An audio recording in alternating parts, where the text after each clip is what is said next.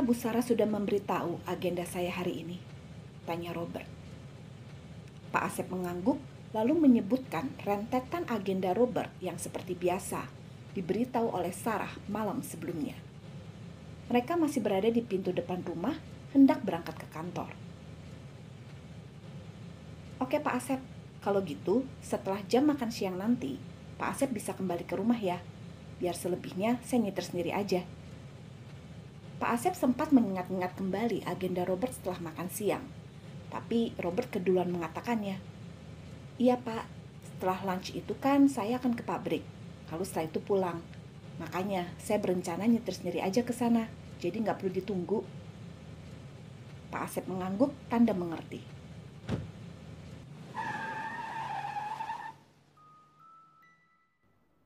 Sepanjang perjalanan, Robert memeriksa beberapa email tapi tampaknya ia kurang bisa berkonsentrasi. Pikirannya selalu melayang, membayangkan hanya kepada satu orang ini. Ya, ia selalu tak lain dan tak bukan Angel. Robert pun menutup mata. Selama ini, sudah setiap harinya ia senantiasa ditemani Angel, ke mana pun ia pergi. Baik untuk pekerjaan kantor maupun urusan pribadi.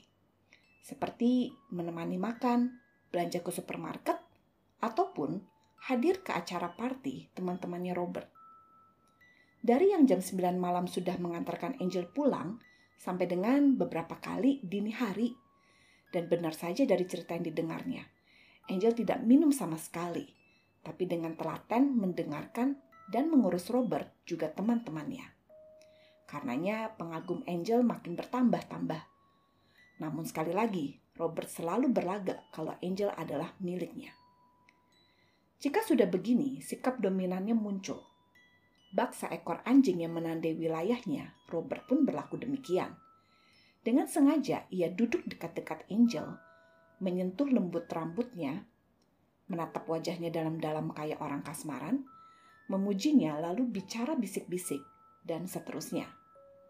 Malahan, Robert semakin berani.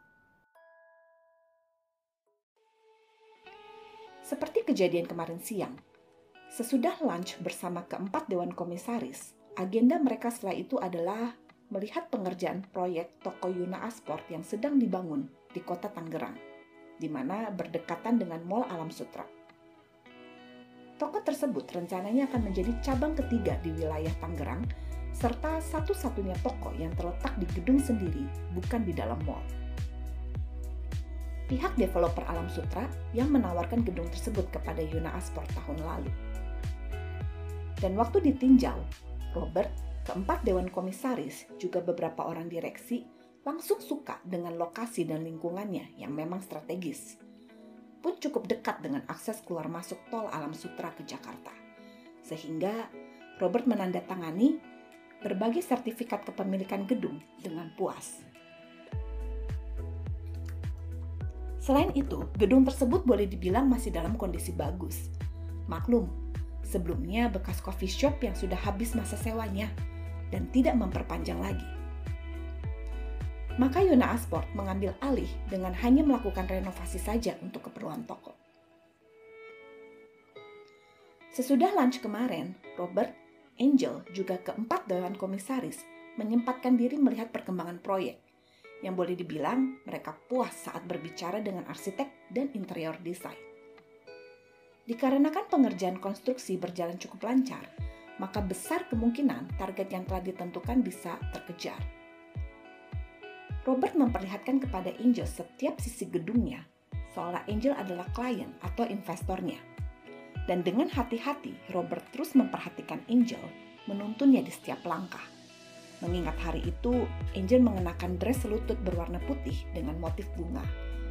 Ya, biar bagaimanapun, ini masih pekerjaan proyek gitu loh. Hingga Robert memperlihatkan ruang display yang terletak di lantai paling atas. Boleh dibilang ruang display ini sangat besar, dengan kacanya yang panjang mengarah ke pintu depan.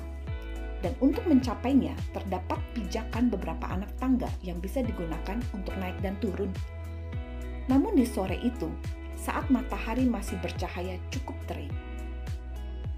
Dikarenakan anak tangga tersebut belum ada pegangannya, Maka sehabis Robert memperlihatkan ruang display kepada Angel, waktu turun, ia membantu Angel bukan dengan memberikan tangan, tapi menggendongnya.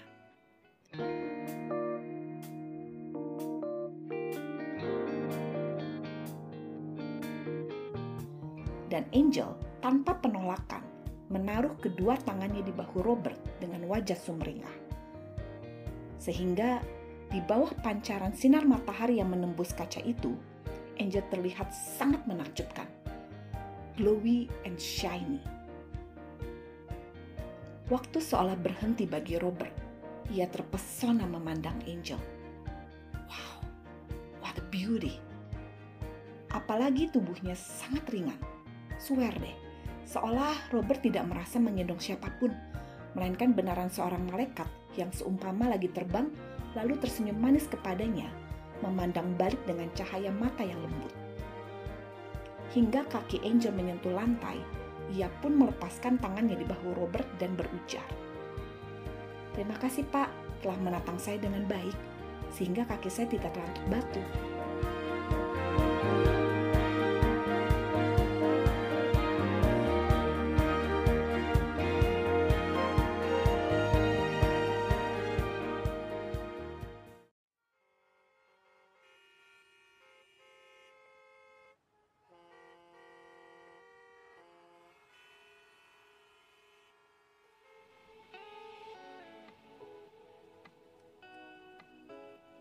Robert membuka mata lebar-lebar. Ia melihat jalanan yang sedikit macet pagi itu. Pak Asep masih menyetir di balik kemudi dan Robert masih duduk di belakangnya. Ia mengerjap-ngerjap lalu memandang melalui jendela memperhatikan kondisi jalan, mobil dan motor yang pada mengantri. Apa ini? Robert membatin. Apakah ini pertanda ia betul-betul jatuh cinta sama Angel? Am I?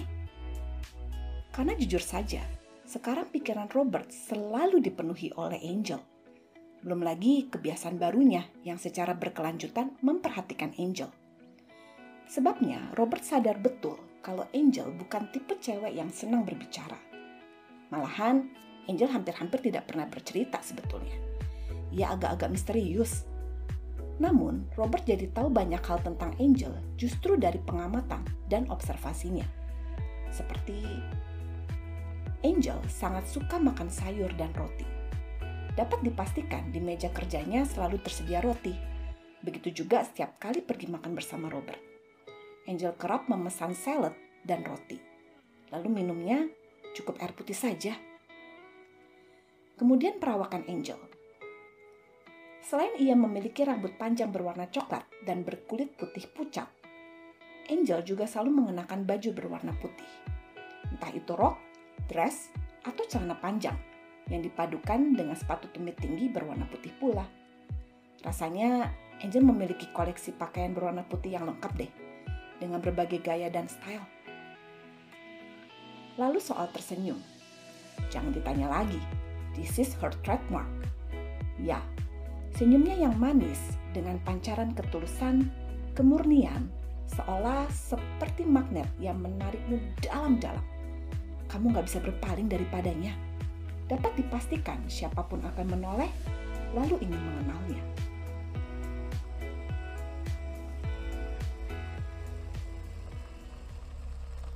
Sudah sampai pak, ujar Pak Asep menghentikan lamunan Robert. Dan tampaklah pintu lobi head office Yuna Asport. Robert mengucapkan terima kasih lalu turun dari mobil. Ia berjalan menuju lift pribadinya yang tanpa antrian. Seorang satpam telah mengetap kartu aksesnya ke dalam lift.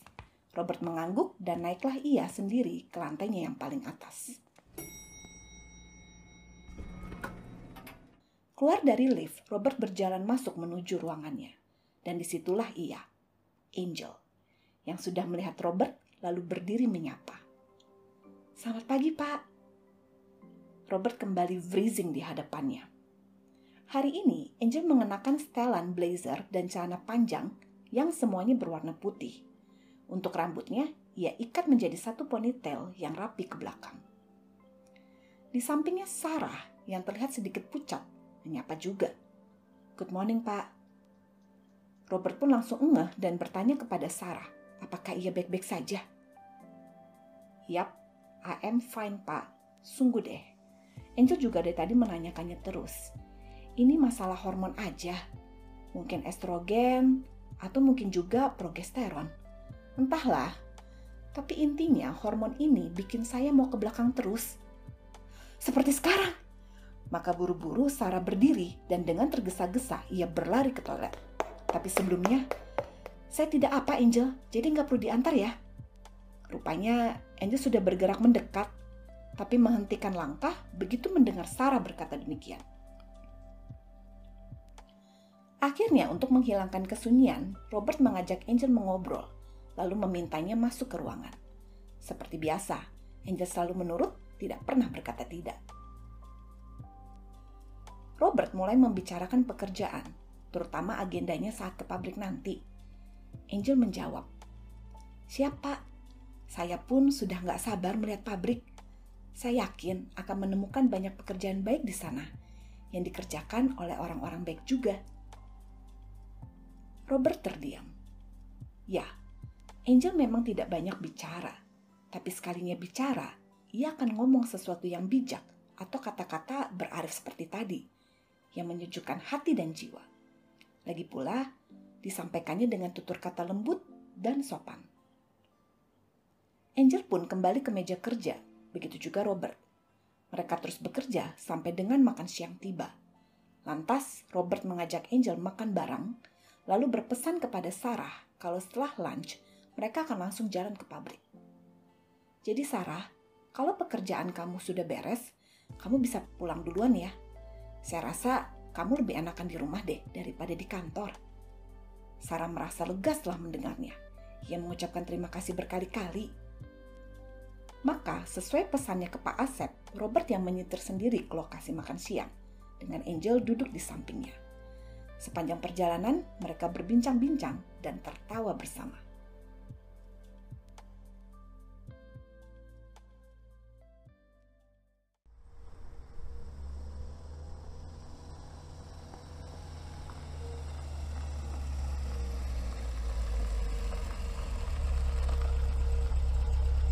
Berapa lama, Robert sudah memarkir mobilnya. Sebelum turun, ia berkata, Angel, lunch kali ini saya ajak kamu makan bakmi di pasar ya. Soalnya bakmi ini enak banget. Dan yang beli sampai bos-bos pun pada makan di sini juga. Walaupun letaknya di pasar. Engkoknya udah jualan turun-temurun. Dari zaman kakek buyut katanya. Kamu cobain ya. Angel mengangguk. Ia percaya pasti enak. Kemudian mereka berjalan masuk dan Robert terus menyentuh punggung Angel. Hanya saja kali ini Robert agak-agak kesulitan. Lantaran kelihatan banget kalau Angel sangat tertarik dengan suasana pasar. Ia terus-menerus tersenyum kepada siapa aja, juga sesekali menyapa para penjual. Sehingga ada satu penjual buah, ibu-ibu berwajah keriput, menawarkan buah pir kuning yang sudah dikupasnya kepada Angel untuk dicoba dan dengan wajah gembira, Angel mengambil pir tersebut. Namun, baru hendak ia masukkan ke mulut, buru-buru Robert mencegah.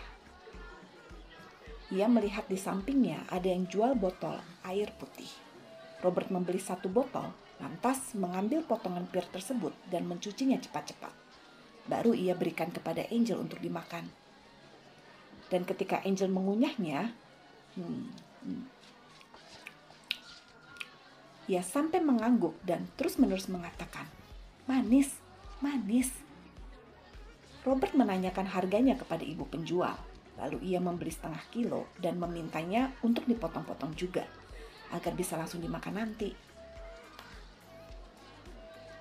Setiba di tempat bakmi, meski siang itu sangat ramai, tapi Robert berhasil menemukan tempat duduk kosong. Ia pun meninggalkan Angel sebentar untuk memesan paket mie ayam spesial. Namun saat kembali, Robert melihat Angel sedang bersenda gurau dengan pasangan suami istri yang sudah lanjut usia. Si Oma terus-menerus memegang tangan Angel sambil berkata, Terima kasih Angel atas kabar baiknya. Kami pulang dulu ya. Merasa penasaran, Robert menanyakan kabar baik apa yang dimaksud. Dengan tersenyum lebar, Angel menjawab, "Mereka sungguh orang-orang yang baik dan akan berumur panjang sampai bisa melihat cucunya dewasa nanti." Robert sempat bingung mendengarnya. Apakah itu maksudnya Angel bisa membaca masa depan orang? Tapi belum apa-apa, Angel melanjutkan. Sekarang ini waktunya mereka menuai hal-hal yang baik. Karena sejak dulu mereka suka menabur hal-hal yang baik juga. Robert mengangguk tanda mengerti. Makan siang itu sungguh menyenangkan dan seperti dugaannya, Angel sangat menyukai bakmi tersebut. Robert berjanji akan sering-sering mengajaknya kembali. Selesai lunch, Robert menyetir santai ke pabriknya yang terletak di pinggiran Tangerang Selatan.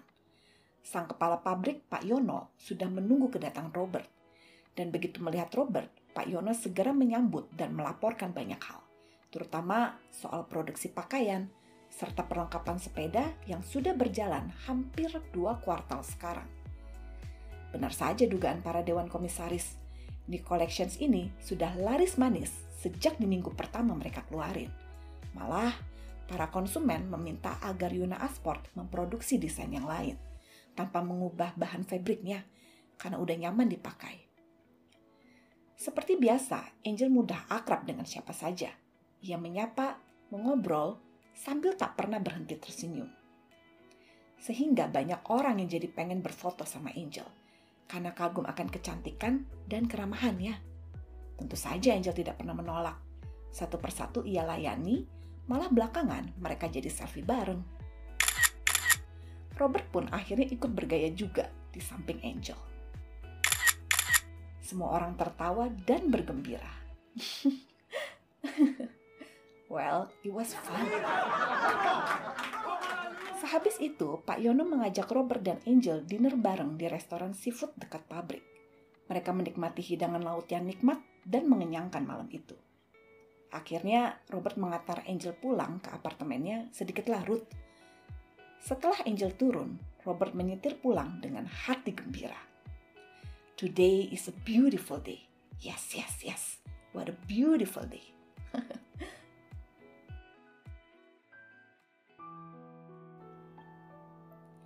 Angel masuk ke dalam apartemennya, di mana sebenarnya apartemen tersebut tempat tinggal seorang anak cewek usia 8 tahun bernama Sophie yang sakit gagal ginjal. Angel adalah malaikat pelindung Sophie, sehingga tidak ada yang dapat melihat keberadaannya selain Sophie. Angel selalu menemani Sophie, melindunginya juga terus menguatkan bahwa mujizat masih terjadi Sophie, percayalah. Ayo sekarang, kamu bayangkan terus dirimu yang sembuh, sehat walafiat, dan harapkan itu setiap hari ya. Jangan kamu khawatir tentang apa pun juga. Ingat, pengharapan tidak pernah mengecewakan loh ujar Angel lalu memeluk Sophie erat-erat sampai Sophie meneteskan air mata dan tertidur lelap dengan kondisi kedua tangannya